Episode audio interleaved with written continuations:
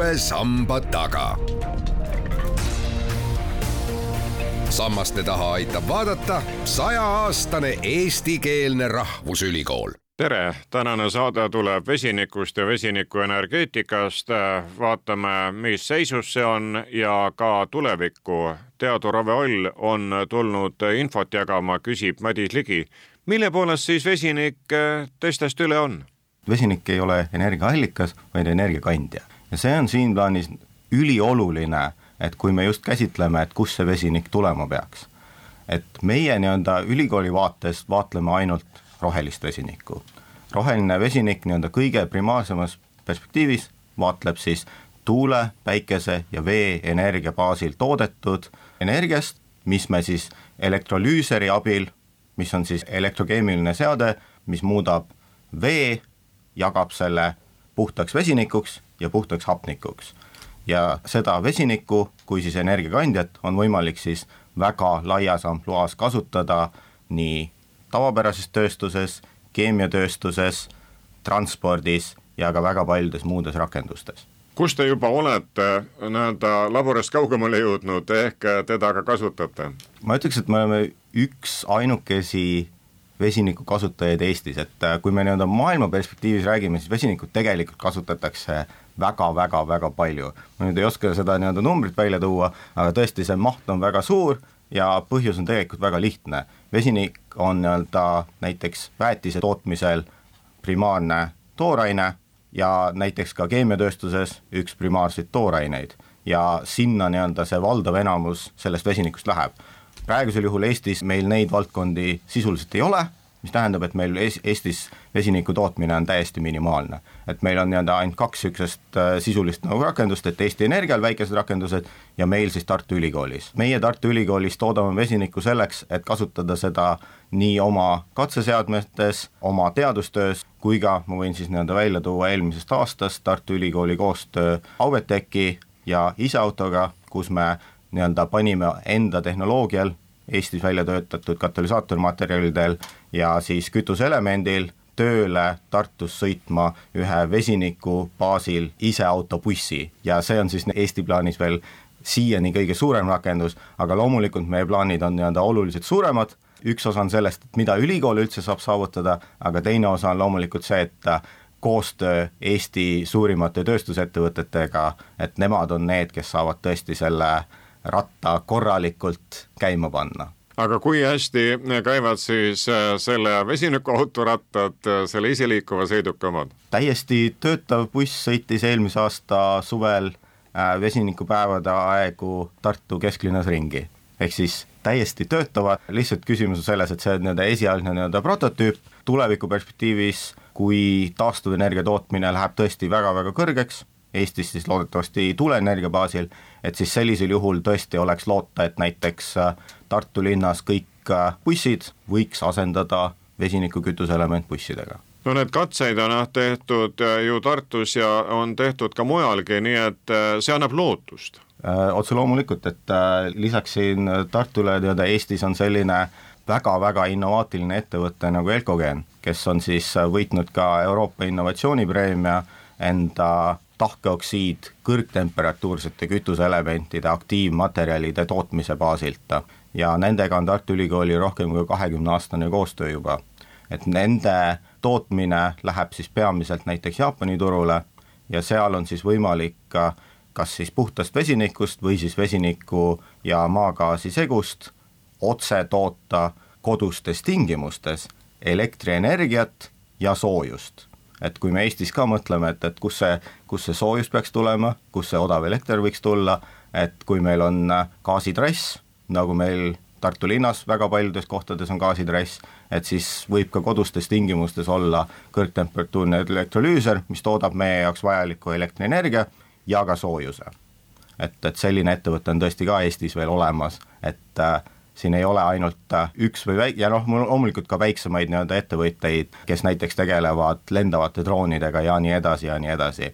et, et see valdkond tõesti on nii-öelda väga kiiresti arenev kuid selleks, et see valdkond äh, aga veel kiiremini areneks, ongi vaja siis äh, teatud struktuure peale vaimujõu, et selle asjaga edasi minna ja selle sissejuhatuse pealt tahame jõuda siis vesinikoruni, mis on meil olemas ja mis näitab, äh, kuidas me tulevikku tunnetame.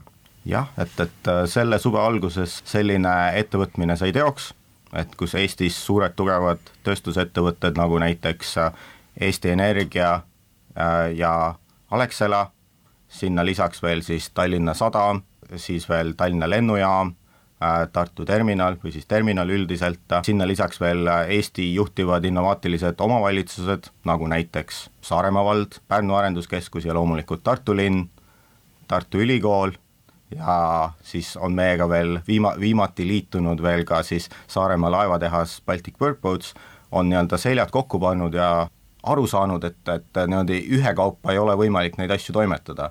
et meil on vaja samaaegselt tootmist, meil on vaja samaaegselt kuhugile see vesinik panna, salvestada ja meil on vaja siis ka tarbijaid.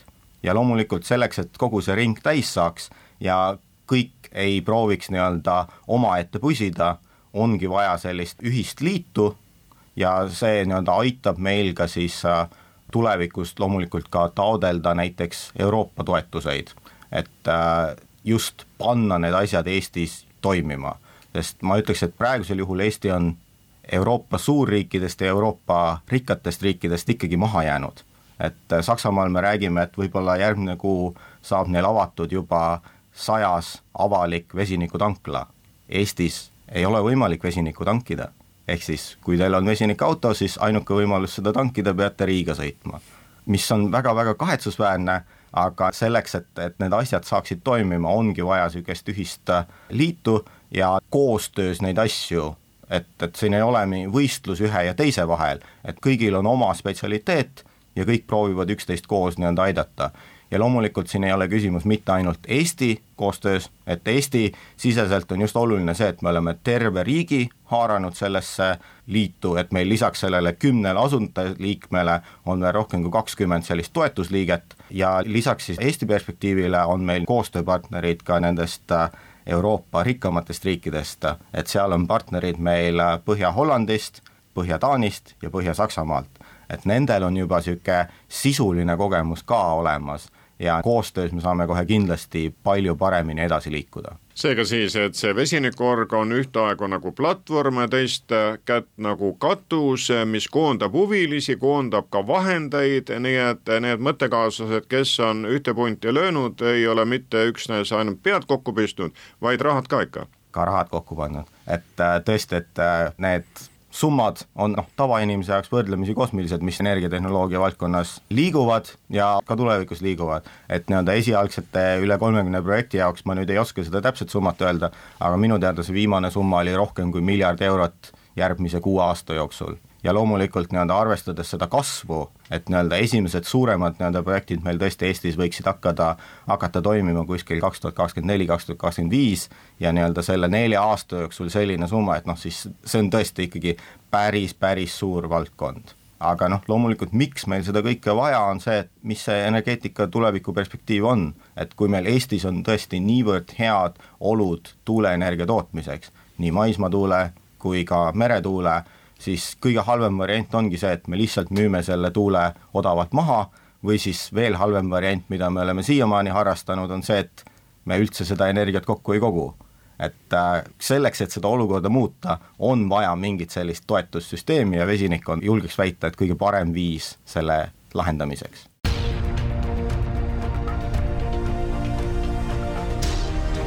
uue samba taga sammaste taha aitab vaadata sajaaastane eestikeelne rahvusülikool Pavel, kuid suured on ka need eesmärgid, mis ju ees seisavad, sest siin saate ettevalmistamise käigus lugesin, et kahe tuhande viiekümnendaks aastaks võiks Euroopa Liidus energiast tulla vesinikust kakskümmend protsenti. see eesmärk on võetav loomulikult kohe kindlasti, et jah, et need äh, erinevad eesmärgid, see just sõltub, et, et noh, mida me just vaatleme, et mis on need peamised valdkonnad, et äh, üldises plaanis vesiniku number üks rakendused on sellised, kuhu elektrifitseerimine ei sobi. et nii-öelda tavapäraselt just elekter peaks olema see number üks, kui me saame toota elektri ja seda kasutada väga efektiivselt, siis see peaks olema alati number üks lahendus aga on väga palju valdkondi, kuhu sellised lahendused ei sobi, number üks nendest ongi siis näiteks väetise tootmine. et kui me tahame toota ammoniaaki, siis selleks on vaja vesinikku.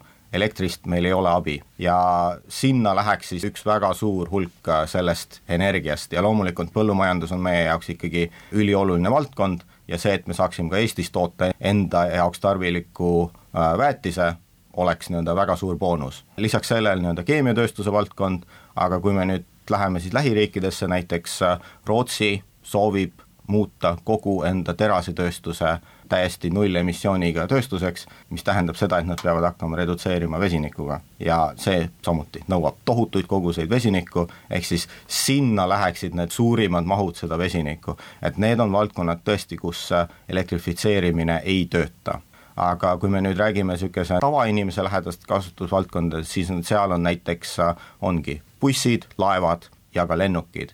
et nendes valdkondades elektrifitseerimine on võrdlemisi keerulisem ja seal vesinik võiks meile tõesti appi tulla üks on nüüd see keskkonnajälg, kuid teine on ka siis, kui palju see kõik maksab. kui praegustes hindades võtta, mis siis on näiteks vesiniku hind võrreldes nende kütuseliikidega, mida meil, energiakandjatega, mida meil vabalt praegu saada? kuna ma teadsin, et selline küsimus võib tulla, siis ma igaks juhuks vaatasin üle, et, et mis, mis on Eestis kõige populaarsem auto, Toyota RAV4, kütusekulu kuskil seitse koma üks liitrit sajale ja siis ma võrdlesin seda meie jaoks piisavalt suure lähituruga, mis on siis Saksamaa, seal on vesiniku hind kaksteist koma kaheksakümmend viis eurot kilogramm. nii, ja ma tegin siis arvutused, et, et tahaks nüüd võrdlusmomenti panna, et sama suur auto on siis äh, Hyundai Nexo kaks tuhat kakskümmend kaks, selle kütusekulu jääb kuhugile üks kilogramm saja kilomeetri kohta ja kui me nüüd arvutuse teeme, siis selle me saamegi, et see hind on sisuliselt võrdne, et äh, juba praegusel äh, juhul sa saad Saksamaal osta kas siis Toyota RAV4 või siis Hyundai Nexo ja see hind, mis sa maksad, on võrdväärne. loomulikult küsimus tuleb, mis see auto hind on auto hind on kahjuks no ütleme, praktiliselt kaks korda kõrgem. ja noh, praegusel juhul miks see nii on, on, on lihtne, et äh, Hyundai RAV4-sid toodetakse miljoneid, Hyundai Nexosid toodetakse võib-olla tuhandeid, kümneid tuhandeid. et, et seal on väga suured vahed veel sees. aga see areng, kuhu kütuseelemendid on jõudnud, on ikkagi päris arvestatav. loomulikult, mida ma pean kindlasti mainima, et äh, sõiduautod ei ole number üks rakendus vesiniku jaoks. et see on nii-öelda tõesti selline väga hea ja igapäevane näide, aga ta kindlasti ei ole see valdkond, kuhu vesinik peamiselt jõuab kus on vesinikuautod head, on just see, et äh, kui me tahame säilitada praegust olukorda, et äh, me sõidame, sõiduulatus jääb kuhugile seitsesada, kaheksasada kilomeetrit ja tankimine on vähem kui viis minutit. et äh, selleks on vesinik võimeline. Ja elektriautod veel praegu selleks võimelised ei ole, tuleviku perspektiivis ütleme nii, et, et pigem ka ei saa olema võimelised. Et see on see, kust tuleb välja. Ja just, et linnaautode jaoks on kindlasti elektriauto oluliselt, oluliselt parem aga kui me räägime siis kas taksodest või siis äh, väga pikki vahemaid läbivatest äh, inimestest, kes läbivad iga päev rohkem kui kakssada kilomeetrit, et siis seal võib tõesti nii-öelda mängu tulla vesinikauto kuid mis suunas praegu teie töö siis käib, milline võiks olla järgmine samm, et äh, neid eesmärke aga võtta?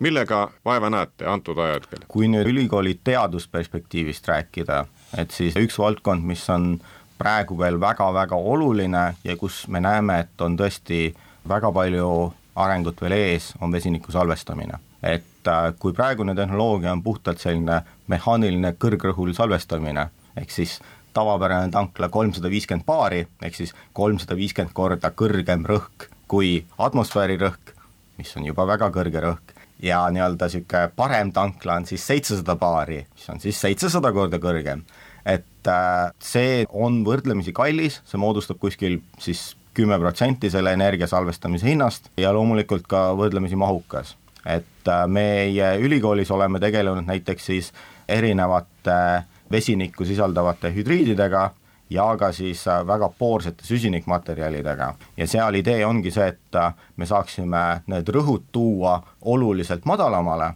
et need rõhud ei oleks seal sadades baarides enam, vaid me räägiksime seal kakskümmend, kolmkümmend baari ja võib-olla siis temperatuuriga mängida mõnevõrra, et näiteks miinus viiskümmend kraadi, miinus sada kraadi. et ja sellistel tingimustel neid adsorbeerivaid ühendeid või siis äh, hüdriide kasutades me saaksime nii-öelda võrdväärse koguse ruumala kohta salvestada vesinikku. et vesiniku salvestamine, just kõige olulisem perspektiiv on just ruumala, sest äh, ta on tavapäraselt niisugune väga raskesti kokkusurutav gaasiline aine ja seetõttu ongi see üks väga oluline perspektiiv. ja noh, riiklikust perspektiivist ongi just toetada kõiki neid ettevõtmeid äh, meie enda teadmistega, see, mis meil on juba olemas. meil on äh, Keemikumis niisugune väiksemat sorti demokeskus, kus me saime siis laadida oma iseautot, mis töötas vesinikuga. et kuna Eestis ühtegi laadimispunkti ei ole, siis me pidime selle ise tegema. ja loomulikult, kus meil siis nii-öelda energia tuleb, ikka päikeselt, päikesepaneelid katusele pandud, me saame energiat salvestada, nii akudesse kui ka vesiniku näol ja kõik see on väga oluline, et demonstreerida, kuidas need äh, kõik tehnoloogiad koos töötavad. et individuaalselt võivad nad kõik äh, lubada ükskõik mida, aga see, et nad kõik äh, kompleksselt toimima saada, et, et see on see küsimus. Ja sellega me proovime ka tulevikus Eesti ettevõtjatele abiks olla ehk siis kõik need lülid tuleb omavahel liita, ühendada ning see ühendus peab pidama, peab pidama vastu sellele kõrgele rõhule ja kõikidele teistele katsumustele. jah, et, et siin ongi, et äh, tihtipeale küsitakse, et näiteks, et äh, aga miks me lihtsalt äh, sekundaarioon akusid ei kasuta, et paneme lihtsalt liitiumakud ja ongi asi lahendatud. aga kui me räägime tundide perspektiivist või isegi päevade skaalas, siis on kõik väga hästi, kõik toimib aga kui me läheme nüüd kuude skaaladesse, siis asi läheb natukene nutuseks, et äh, akude hulk ja maht läheb lihtsalt niivõrd suureks. aga kui vesinikust rääkida, siis vesiniku puhul vesinikku on võimalik veeldada, see on veel kõige kompaktsem versioon, mida salvestada.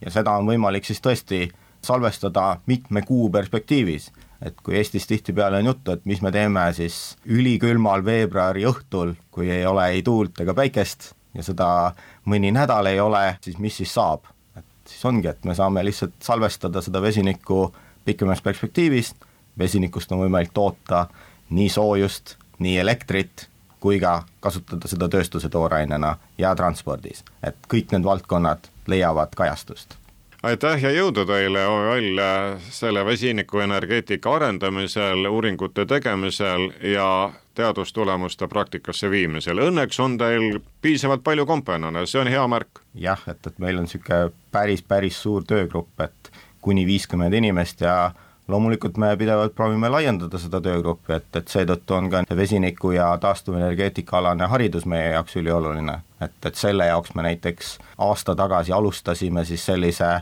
avatud ülikooli õppega, kus me siis anname ka Eesti ametnikele, riigikogulastele, väga paljudele erinevatele osapooltele, kes puutuvad kokku nende teemadega, informatsiooni siis kõige kaasaegsemate teadmiste kohta nii taastuvenergiast, vesiniktehnoloogiatest, üldiselt energiasalvestustehnoloogiatest ja loomulikult ka sellest, kuidas neid asju kokku panna. et äh, meie siin ülikoolis ei saa kõike ise teha, et, et peamiselt need asjad peaksid äh, jõudma ikkagi tööstusesse ja Eesti suurtesse ettevõtetesse, et nemad on need, kes saavad kõik selle lõpuks toimima panna ja meie tahame siis nendele toeks olla aitäh veel kord, täna rääkis teiega teadur Ove Oll, küsija oli Madis Ligi.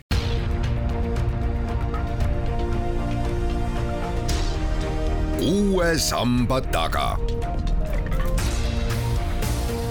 sammaste taha aitab vaadata sajaaastane eestikeelne rahvusülikool